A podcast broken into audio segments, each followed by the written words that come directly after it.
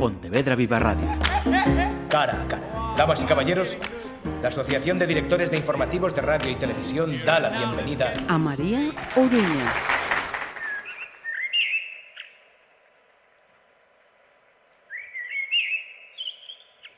La mayor parte de las malas acciones de los hombres vienen a su encuentro enmascaradas bajo la apariencia de la necesidad. Luego, cometida la mala acción en un momento de euforia, de temor o de delirio, nos damos cuenta de que podría haberse evitado pasando de largo. Alejandro Dumas, El Conde de Montecristo, 1844. Lo único inmutable en este mundo es el cambio, el constante movimiento. Hasta el más tranquilo e idílico de los paisajes palpita en incansable tránsito. Ahora mismo, en este instante, un mirlo acuático sale de su nido hecho de musgo y alza el vuelo. Desde el aire atraviesa sauces, plataneros, castaños y abetos del valle de Puente Viesgo. La naturaleza decora el ambiente de forma poderosa y el vigor de árboles centenarios despliega una cadena de vida y color que embriaga el ambiente, amable y acogedor. Todavía hace frío, pero el invierno está a punto de despedirse. El mirlo, ajeno a la belleza en la que habita, se desliza con suaves piruetas por el aire. Su pequeña y rechoncha figura negra dibuja una ruta que sigue el curso del río Paz, de poco calado y aguas cristalinas. El paisaje, frondoso y ya casi primaveral, se despliega bajo su cuerpecillo como un mapa que al abrirlo es un sueño. El mirlo se prepara para descender, sumergirse y cazar.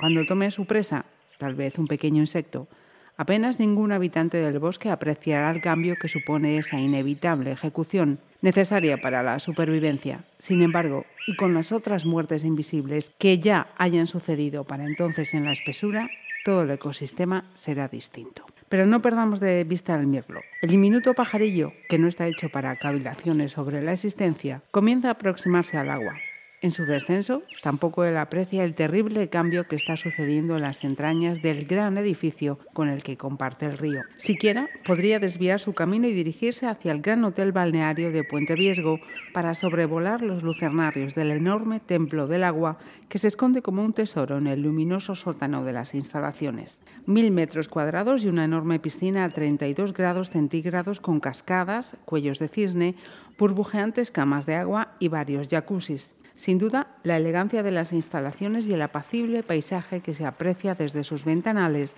hacen del Templo del Agua un agradable y lujoso paraíso. Sin embargo, una dramática turbación parece crecer en su interior. Un crimen brutal y despiadado acaba de ejecutarse. Su efecto se desparrama por la instalación como si se tratase de una incontenible cascada llena de veneno. El impío delito va a ser descubierto muy pronto. ¿Quién podría imaginar una forma tan terrible de despreciar la vida? Acerquémonos.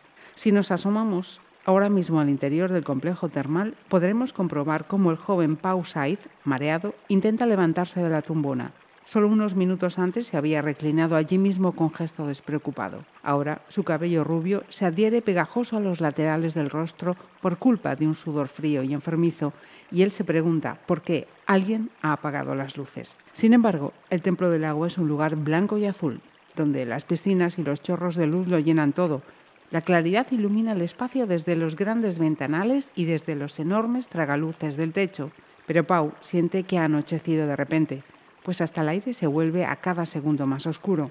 El joven, de apenas 30 años, tiene un cuerpo atlético y fibroso, resultado de un ejercicio regular y una vida saludable. Sin embargo, percibe con estupor que sus fuerzas lo han abandonado de repente. Le duelen los ojos, nota la garganta terriblemente reseca y es incapaz de soportar el hedor. Es una pestilencia extraña que aúna el fuerte olor de lo que parece un desinfectante y de algo más, entre dulce y acre, que resulta indescriptible. Entre tanto, y como suele ser habitual en los balnearios, el hilo musical suena suave y tranquilo, cálido. La voz de Noah canta Beautiful That Way y parece querer llevar a los usuarios de la piscina hacia el relax definitivo, hacia una especie de paréntesis vital en el que la calma lo inunde todo. Sin embargo, Pau solo ve a su alrededor muertos o a personas que, con suerte, solo han perdido el conocimiento. Algunas flotan ya boca abajo en la piscina y otras se retuercen en el suelo, tosiendo, vomitando y a punto de desmayarse. Él conoce a todos y cada uno de esos seres humanos que agonizan. Habían cerrado el complejo termal para ellos durante dos horas una reunión social de trabajo importante de apenas 20 personas, contando a sus acompañantes, celebrada en el balneario. Tras la cena de negocios, un sueño reparador y un copioso desayuno. Unos masajes, algunos tratamientos en la galería de baños bien temprano y el broche de oro en el templo del agua. Solo queda una reunión para comer y despedirse hasta muchos meses más tarde. ¿Cómo iba nadie a imaginar que aquel baño sería el último? Por fin, logrando reunir unas fuerzas que se diluyen por no sabe dónde, el joven logra levantarse de la tumbona. Entre la penumbra que es capaz de vislumbrar, comprueba que su tío Iñaki está cerca y se aproxima unos pasos. Transcurren unos segundos hasta que se da cuenta de que su tío ya no respira. En su rostro ha quedado dibujada una terrible mueca de pánico que ahora mira, inexpresiva, hacia el techo de las instalaciones. A su lado, una persona que no es capaz de reconocer echa espumarajos por la boca. Y Pau, ya ajeno a cualquier reacción emocional que no sea el espanto y su propio miedo, se sorprende de que un ser humano pueda generar tantísima espuma. Al poco se da cuenta de que quien agoniza de forma tan horrible es el señor Borrás. A su lado reconoce a Álvaro Costas, un empresario de Valencia, calvo y con sobrepeso que ahora parece dormido, encogido en posición fetal en el suelo. El joven, trastabillando y tropezando consigo mismo, consigue caminar unos pasos hacia donde recuerda que se encuentra la recepción del Templo del Agua. Aunque no siente frío, su cuerpo comienza a temblar. Le parece distinguir en el suelo, más allá y en la penumbra, a Elisa Wang, la joven directora de comunicaciones de una empresa de Málaga que conoció la noche antes. Le ha parecido que Elisa al principio estaba sentada, para tumbarse después en un movimiento un poco extraño. Ahora, sorprendentemente, recuerda de pronto cómo la jornada anterior le había impresionado su belleza exótica e híbrida, entre europea y oriental, y su natural elegancia al moverse y al hablar. Su piel le había parecido de porcelana. Ahora la joven está definitivamente tumbada boca arriba, con su largo cabello negro dibujando ondas sobre el suelo. Todos llevan un gorro para la piscina, pero a ella se le ha debido de caer cuando se ha desplomado. Pau se agacha con torpeza y comprueba que, en efecto, la mujer ha perdido el conocimiento, Intenta reanimarle y la zarandea débilmente sin ningún resultado. Por un instante ella abre sus delicados ojos rasgados, pero al momento parece sucumbir ante el peso de un sueño tóxico y profundo. También él, aterrado, se da cuenta de que su mente se desliza hacia un abismo donde no hay nada, solo silencio y oscuridad. Comprende que, si quiere sobrevivir y lograr salvar a alguien, debe continuar con su idea inicial y salir de aquel espacio lo antes posible. Necesita aire, luz. Dirige su mirada hacia la salida y ve cómo, por fin, al otro lado de unas exuberantes plantas y una cristalera que los separa de la recepción, una empleada del balneario ya camina hacia ellos y se detiene, atónita, al descubrir la horrible masacre. El hecho de contemplar un oasis de agua tan bello cubierto de personas agonizantes y retorcidas por el suelo debía suponer un impacto para cualquiera.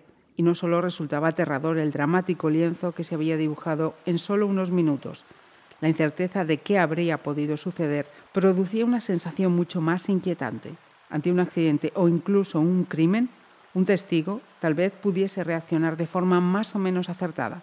Sin embargo, ante un enemigo invisible que asfixiaba a sus víctimas, ¿qué hacer? ¿Qué decisión tomar? Si ni siquiera la propia integridad estaba a salvo. Pau cree advertir cómo la mujer gesticula con gravedad, grita y avisa a alguien, para después bajar corriendo las escaleras y dirigirse hacia donde él se encuentra. Al instante comprende la intención de la empleada de aproximarse lo más rápidamente posible, tiene un último instante de lucidez y mientras ella corre con un gesto de horror en el rostro, logra alzar una mano en señal de que se detenga. Acierta a decir un no desesperado y señala, con mano trémula, primero hacia el montón de lo que él ya cree que son cadáveres, o al menos personas que han perdido el conocimiento. Después, nervioso, dirige su gesto hacia una pequeña y bonita bolsa que está cerca del cuerpo de su tío Iñaki. Del sencillo recipiente todavía mana un delgadísimo hilo de fluido espeso y extraño, que a pesar de su densidad parece cera líquida transparente. Quiere explicarle que todo comenzó con ese pequeño recipiente, que recuerda que sacaron de una cajita azul, pero no se siente capaz. La empleada comprende igualmente el mensaje de Pau, tal vez por su señal o por el extraño olor de la sala, y se lleva un pañuelo al rostro para evitar respirar directamente el aire que ya adivina ponzoñoso. Intenta coger a Pau por la cintura para que se apoye sobre ella y así pueda caminar hacia la salida, pero el muchacho parece ahogarse. El joven busca serenidad y dominio de sí mismo en su interior e intenta respirar profundamente, pero le resulta imposible. Se siente materialmente incapaz de llenar sus pulmones. El aire, de repente, es como si hubiese desaparecido. Pau nota como si de pronto se le vaciase la cabeza, convertida en un recipiente inútil, y se desploma ya sin conocimiento sobre el elegante enlosado. Entretanto, en el hilo musical, Noah termina la canción y recuerda con su suave color de voz que debemos sonreír sin ninguna razón y amar siempre con la entrega limpia e inocente de los niños. Afuera, el pizpireto Mirlo ya ha atrapado un diminuto pececillo y se lo ha tragado con un único gesto. Sale del río y alza el vuelo para continuar disfrutando de la música del agua y de su florido y verde paraíso. Cuando a lo lejos comienzan a escucharse las sirenas de emergencia, el pájaro ya se encuentra recogido en su nido y el mundo aparenta seguir siendo un lugar tranquilo y quieto.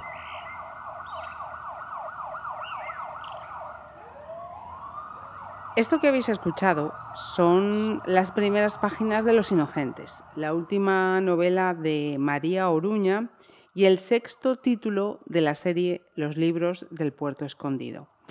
Así que lo primero, vamos a ser educados y vamos a saludar a nuestra invitada, María Oruña. ¿Qué tal?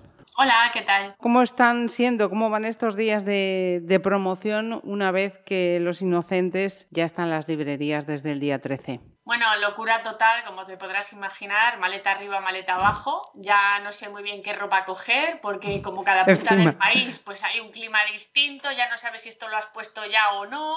Bueno, un lío, pero bueno, muy contenta porque los primeros feedbacks que estoy teniendo de los lectores son muy positivos. Así que eso es lo realmente importante, ¿no? Vuelves a poner a Valentina Redondo ante otro caso que resolver y te quiero preguntar, ¿tú estimas como autora que tal y como señala tu editorial, es la entrega más negra y trepidante de las seis? Bueno, yo creo que, es la que tiene más acción de las, de las seis, de forma deliberada además, eh, pero no porque sí, no porque dijese, bueno, es que ahora quiero hacer el thriller de acción porque las otras había escogido otros estilos narrativos, ¿no? Eh, lo he hecho así porque necesitaban esta trama que los personajes no tuviesen tiempo a pensar, que actuasen por impulso para ver también el lector cómo reaccionaría ante todas las circunstancias que suceden. Cada uno de los 17 capítulos de la novela comienzan con una breve cita literaria, su autor o autora y la obra y el año de esa obra. A este respecto, primera cuestión, ¿esa cita, autor y obra condicionaban cada capítulo cuando lo escribías o lo hiciste al revés? Una vez que tenías ese capítulo, encontrabas la obra, la cita, la autor, autora. Bueno, digamos que es un híbrido de esas dos posibilidades. Lo primero y fundamental, en este caso, es mi libro, mi historia, pero como yo he leído las otras obras, yo ya tenía seleccionadas citas y luego las voy introduciendo eh, al comienzo de cada capítulo según me conviene a mí para la trama, porque esas, esas citas funcionan como pistas, como reflexiones y como provocaciones a los lectores anunciándoles un poco qué es lo que se van a encontrar ahí en ese capítulo. Y he visto que eh, esos autores, autoras y esas obras eh, también son especiales para María. Bueno, en esta obra, date cuenta que cada novela, pues en una hacemos guiños a los románticos ingleses, en otra hacemos guiños a los autores góticos, en otra a los que hacían misterios de habitación cerrada a comienzos del siglo XX. Si yo aquí estoy reflexionando sobre el crimen y su castigo y sobre la venganza, menos que aludir a Dostoyevsky con Crimen y Castigo y que al Conde de Montecristo de Dumas para hablar de la venganza, ¿no? Sin olvidarnos de Agatha Christie, que también la tenemos por ahí saltando y que también una de sus citas da título a la novela, porque no podemos olvidar que además de estas reflexiones estamos ante una novela de entretenimiento, que es un juego de astucia, y esto es lo que no podemos olvidar, ¿no? Que estamos a un juego, ante un juego típico, tópico como los de Agatha Christie. Eh, no he dicho que en este caso, o se lo decía al comienzo, que ponía a, Valentina ante el caso más, eh, más trepidante. En este caso hay un atentado masivo en un balneario de Cantabria, de Puente Viesgo. Volviendo a una cuestión que mencionabas hablando de esas citas, las reflexiones, reflexiones que haces al comienzo de algunos capítulos. Eh, entiendo que han sido totalmente premeditados y que había una intención muy concreta de, ponerlos donde están. Sí, bueno, eh, toda la novela en sí eh, tiene una misión mucho más allá del juego, que, es la parte lúdica, ¿no? Bueno, es un poco raro decir que la parte lúdica es lo del crimen y averiguar quién mm. lo hizo y tal, que es la, esta reflexión, este intentar eh, no consensuar, pero sí mover el pensamiento crítico de todo el mundo, vaya hacia el lado que vaya, en tanto en cuanto todo lo que vivimos es parcial, todos nuestros hábitos y nuestras leyes son inventados y algunos de manera muy reciente. Y me parece muy curioso eh, que un simple, un hecho, un, crimen, algo denominado crimen hoy, podría ser un hecho pues que sería de un héroe hace dos siglos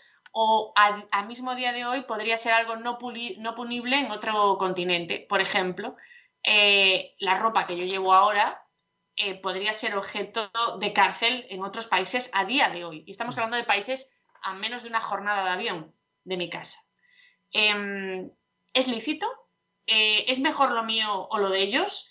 Eh, yo tengo mi respuesta, claro, pero los otros contestarán otra cosa. Em, y como se dice en la novela, es muy curioso que si matas a un hombre puede ser un asesino, si matas a muchos puede ser un conquistador, pero si matas a todos serás un dios. Os prometo que ahora mismo estoy ojiplática, que no he hablado antes con María y que la siguiente pregunta era que me he encontrado con frases muy lapidarias y que nos hacen pensar muchísimo. Y el ejemplo que tenía era precisamente ese. Mata a un hombre y serás un asesino, mata a millones y serás un conquistador. Em, esto es telesimpatía, María. Has visto. ¿Y qué pasa? Que es que esto realmente es ese, es el eje que, fíjate, aparece como una conversación aparentemente frívola, porque es una conversación entre amigos, pero no hay nada frívolo ni hay nada al azar en toda la novela. Todo está y todos los personajes están por algún motivo y todos tienen una misión en la trama.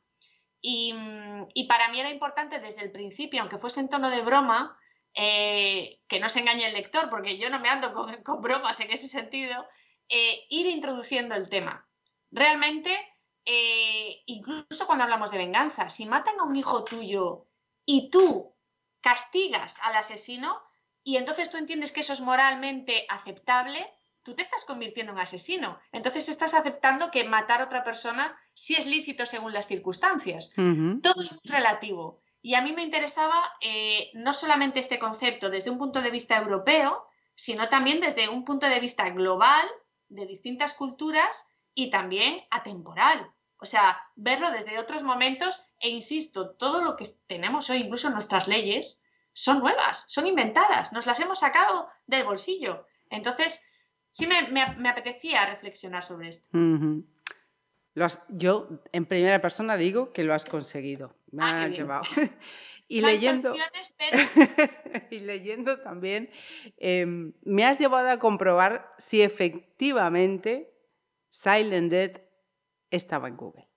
Y ahí lo dejo, ahí lo dejo.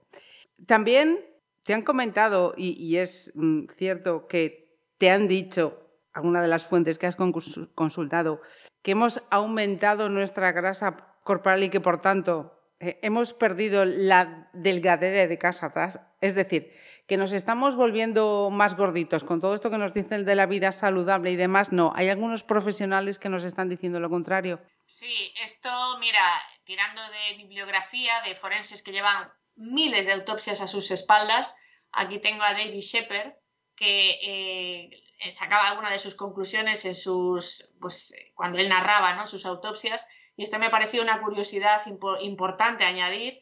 Eh, y también recurrí mucho a Luis Frontela, eh, otro forense muy famoso en España, Em, no, no a él en sí como fuente, sino a los libros, manuales forenses de distintas temáticas.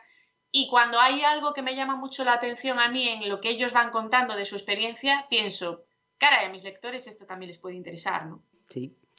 ¿Y cuál ha sido la intención de María Oruña al hacer que un único personaje de los que están en esta novela, en Los Inocentes, esté hablando en primera persona? Y no vamos a decir cuál, si te, si te parece.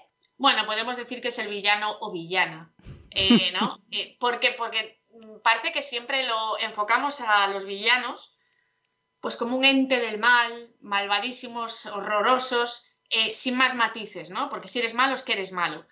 Y incluso las buenas personas tienen rasgos de malicia y, incluso los malvados pues atienden a una ancianita al cruzar o cuidan a su hermano enfermo.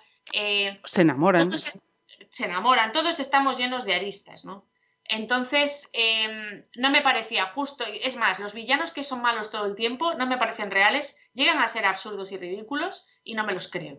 Entonces, hacer a alguien más real, eh, que incluso sea consciente del pozo en el que ha caído y que asume que ya, ya no hay salida, que ya es una persona rota por dentro, me parecía interesante. No para que el lector empatice con este villano o villana, sino para que también sea capaz de por un rato ponerse en sus zapatos sin justificar nunca lo que hace.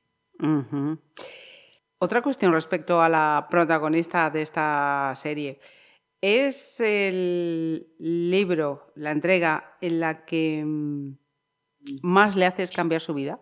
No, no, yo creo que no. Eh, quizás esa fue eh, lo que la marea esconde, donde le doy más duro. Eh, mm, aquí lo que hago es que se caigan absolutamente todas las máscaras. Precisamente al ir tan rápida la trama y no permitir que racionalicen lo que les está sucediendo, todos se muestran tal y como son. O sea, no hay, no hay tiempo a imposturas. Todo el rato tienes que hacer actuar por impulso.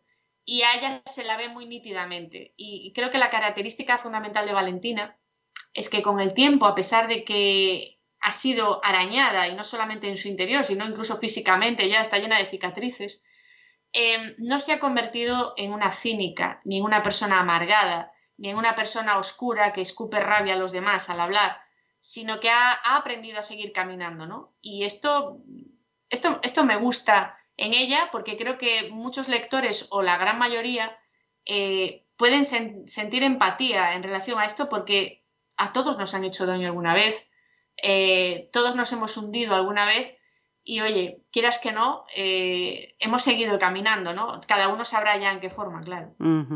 y, para terminar, ya que no había tenido ocasión de hablar eh, contigo, preguntarte cómo se siente una escritora cuando una entidad como la Guardia Civil le entrega un reconocimiento por, por, sus libros. Concretamente, esta serie Puerto Escondido fue motivo de que te entregaran el premio Fundación Guardia Civil 2022 en Santander, precisamente, que es donde transcurren todas, todas estas novelas. Bueno, entregarme lo entregaron en Madrid, eh, pero sí, me sorprendió porque era algo como yo no había peleado por ningún premio. Eh, de hecho, creo que debo ser la autora con menos premios de, España. O sea, no, no, me muevo por, por eso. Eh, no, no, es algo que, que me motive. A mí lo que me motiva es hacer buenas historias y que perduren, que sean atemporales. Que luego, pues imagínate que de mis libros pues hagan rutas turísticas, pues muy bien. Que beneficie al turismo o a tal sitio, pues estupendo. Que la Guardia Civil se ve reflejada de una manera positiva, también estupendo. Pero no es algo lo que yo pienso, ni para lo que haya movido ninguna clase de hilo, ni haya. No, no, pues me parece bien, me sorprende, me sorprendió mucho cuando me llamó eh, la que era entonces la directora de la Guardia Civil, que yo pensé que era broma y al principio la trataba como que me estaban bromeando algo, porque ¿qué me llama a mí la Guardia Civil? Que, yo pensaba que había aparcado mal o que había hecho mal. Y, y sí, allí terminé en Madrid y, bueno, es, es, bonito, ¿no? Es bonito ver cómo mis libros siguen caminando ya sin mí y, y bueno, que, que, por lo menos que, que, funcione como un espejo de cómo también la sociedad trabaja ahora, investigadores, gente. Pues nos alegramos y esperamos eh, seguir eh, leyendo más libros del puerto escondido o, o, no, porque también otro de los títulos que ubicaste aquí en Galicia, en, tu tierra, también se recibió con, con muchísimo éxito. María Oruña, Oruña, vaya, terminamos bien, cambiándote el apellido. Muchísimas gracias por esto, este ratito de charla. Nada, gracias a ti. Pontevedra Viva Radio ¿Me permiten que les haga un comentario como espectadores del programa Cara a Cara? Según un reciente sondeo de mercado, ustedes disponen de estudios e inteligencias superiores a la media. Sus intereses abarcan desde la actualidad mundial y la ciencia hasta el deporte y los espectáculos.